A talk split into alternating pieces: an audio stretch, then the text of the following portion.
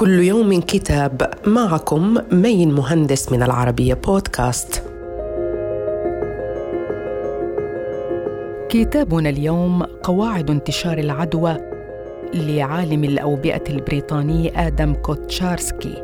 يعرض فيه مقدمة ممتازة قريبة للقارئ غير المتخصص لفهم أساسيات علم الإحصاء البيولوجي وفق قواعد انتشار العدوى. فالأوبئة تستمر في الظهور ويتبع كل منها السلوك ذاته مع مرور الوقت عبر مراحل ثلاث الانطلاق والذروة والتلاشي. كما يشرح فيه الكاتب سياسة الاعتماد على نظرية القطيع التي قررت بريطانيا العمل بها منذ بداية ظهور الفيروس والتي تسببت في تأخير تنفيذ إجراءات العزل الاجتماعي.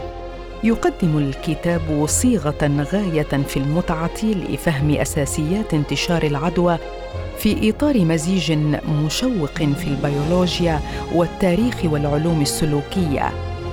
كتاب قواعد انتشار العدوى صدر عن دار النشر ويلكم كولكشن وإلى اللقاء مع كتاب جديد.